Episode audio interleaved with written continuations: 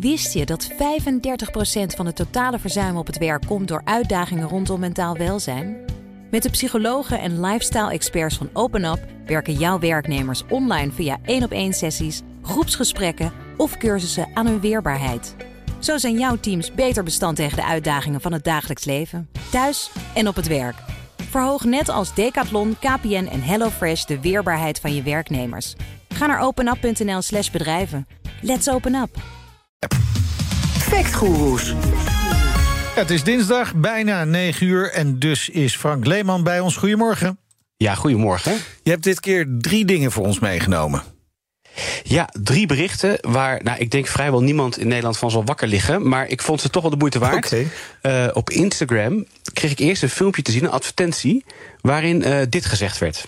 There are so many people leaving the state of California that now California politicians want to charge an exit tax for people moving out of the state.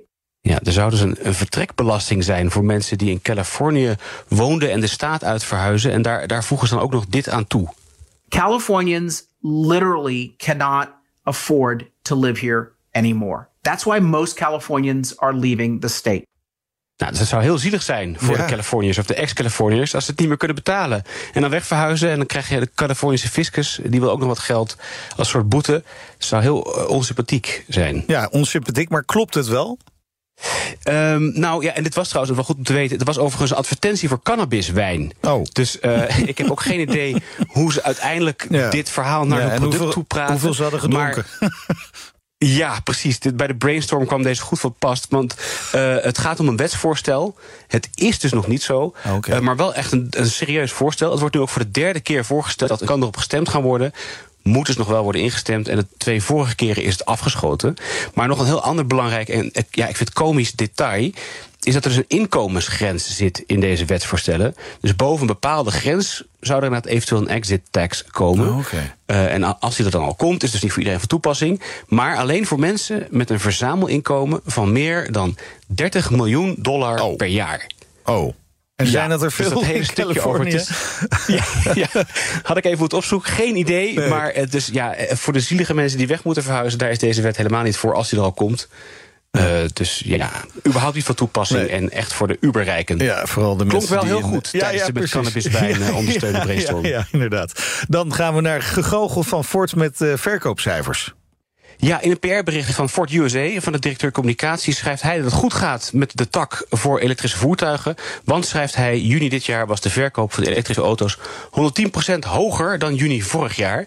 En verder staat er dat ze ja, veel investeren in een productielijn waar ze 2 miljoen auto's per jaar willen gaan produceren eh, binnenkort. Dus dat klinkt best goed, zou je denken. Ja, dat klinkt zeker niet verkeerd, maar zoals net al gezegd... er wordt dus gegoocheld met die getallen. Ja, want als je naar eigen cijfers kijkt die ze publiceren voor de aandeelhouders, dan zie je juist een krimp van eh, min 2,8% voor de EV-tak. En zo verkochten bijvoorbeeld Ford-dealers in de US van de, de, de, de Mustang Mach-E. eh, in 2022 verkochten ze 95% van de voorraad in 30 dagen. Dus de doorlooptijd is dat. Maar die doorlooptijd is in 2023 gezakt naar 64% in 30 dagen. En voor die elektrische pick-up truck van hun, die F-150 Ja. Lightning, ging de, de doorverkoop van 70% in 30 dagen naar 40% in 30 dagen. Nou ja, dus dat hè, laat een vertraging zien.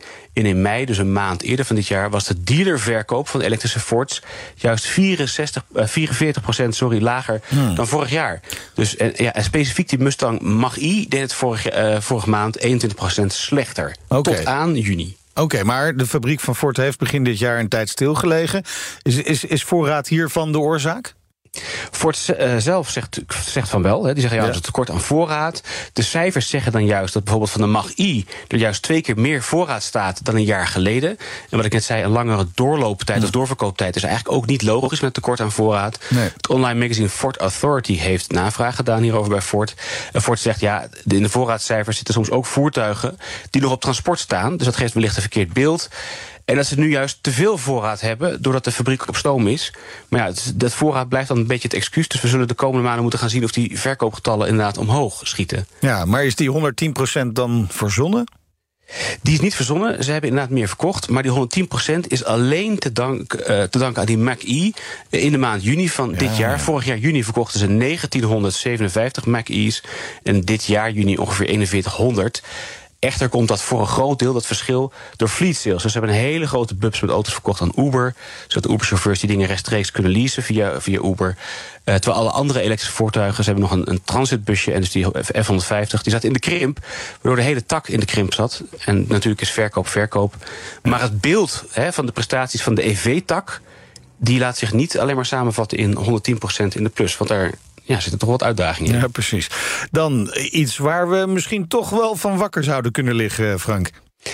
Zeker, want ineens deed op internet een wat ouder bericht de ronde. Namelijk dat operaties uitgevoerd door artsen die op de dag van de operatie zelf jarig zijn, dat die vaker dodelijk aflopen. En uh, ik zag het via Instagram ook, de account van een uh, wat bekendere schrijver. Maar ook op andere plekken op internet kwam hij daardoor weer uh, op stoom. Oh jeetje, maar het is een wat ouder bericht, hè? Want ik zou denken, misschien is het juist de dag na de verjaardag. Maar oké, okay. hoe, hoe komt men hierop? ja precies of de verjaardag van je kind of vrouw. Ja, dat is veel meer stress dan je eigen verjaardag. Maar ja, het oorspronkelijke onderzoek is uit 2020 gepubliceerd in de British Medical Journal. Dat is een goed, uh, goede publicatie. Het is een dataonderzoek, dus hebben, ze pakken bestaande data en kijken dan welke relaties ze kunnen vinden. Ja, en, en wat vonden ze dan precies? Dus ze keken naar 980.000 operaties. En dan de outcome na 30 dagen. Dus hoe stonden de patiënten ervoor na die 30 dagen. En dan keken ze naar operaties uitgevoerd door chirurgen die dus op die dag jarig waren. En dat ging dan om 2064 operaties. En in vergelijking vonden ze dan 1,6% meer overlijdens in die groep. Waarbij de operatie werd uitgevoerd tijdens de verjaardag van de arts. Oké, maar wat is volgens hen de verklaring hiervoor dan? Ja, nou eigenlijk wat je al een beetje verwacht. Hè. De arts zou dan volgens hun meer afgeleid zijn. Misschien zelfs tijdens de operatie wel felicitaties krijgen van de, van de assistenten. Ja, of of eh, bezig zijn met zijn mobieltje. Ja, precies. ja, ik, het zou mij verbazen, maar goed, dat is dan eh, wat we net al zeiden, eerder de dag erna. Maar goed, dit is wat hun uh, verklaring daarvan eventueel is. Ja, maar moeten we ons hier echt zorgen over maken? Nee, ik denk het niet, want ik had via e-mail contact met professor Dr. Chuck uh, Dinerstein, die in 2020 al naar dit uh, paper heeft gekeken vanuit een datastatistiek, datastatistiek perspectief. En hij schrijft dat dit document er alle schijn van heeft dat ze de data in een programmaatje hebben gegooid. Hmm. En dan net zo lang blijft het programmaatje he, bekijken totdat er een correlatie ontstaat. Oh, P-hacking heet dat. En ten eerste is natuurlijk correlatie geen causatie, maar het is ook de vraag of er überhaupt een correlatie is want dat sterftecijfer was alleen hoger bij mensen die geopereerd werden. naar aanleiding van een bezoek aan de spoedhulp. En dus op de verjaardag van de arts. en ouder waren dan 60. En mensen die een geplande, geplande operatie hadden, die kwamen er even goed van af. Dus dan zou de arts eigenlijk alleen last hebben van zijn verjaardag bij spoedoperaties. uh, en een groot probleem. Ja, inderdaad, ja, is dat in absolute aantallen gaat het om 30 extra doden. Uitgesmeerd over drie jaar. Dus heb je het over 10 per jaar op een dataset van 980.000 patiënten. Ja, het is de vraag of dit een toevallige vondst is. Of dat er echt iets gevonden is. Maar op dit moment moet je dat papier, dat paper met een. Uh, korreltjes zout nemen. En niet te groot natuurlijk, dat is dan ongezond. En dan moet je naar een arts. Ja, precies. En dan weer niet op zijn verjaardag. Dat is dan misschien weer niet handig. Nee, precies. Precies. Dankjewel. Onze effectguru Frank Leeman. Dankjewel. Ja, en een goede vriend van mij, Rogier, die wordt vandaag geopereerd aan zijn schouder. Rogier, als je luistert, even de geboortedatum van je arts checken. Ja, anders verplaatsen misschien. Ja, dat zou kunnen. We hebben 100 Wist je dat 35% van het totale verzuim op het werk komt door uitdagingen rondom mentaal welzijn?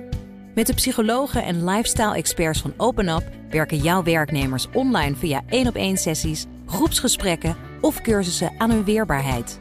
Zo zijn jouw teams beter bestand tegen de uitdagingen van het dagelijks leven, thuis en op het werk. Verhoog net als Decathlon, KPN en HelloFresh de weerbaarheid van je werknemers. Ga naar openup.nl/slash bedrijven. Let's open up!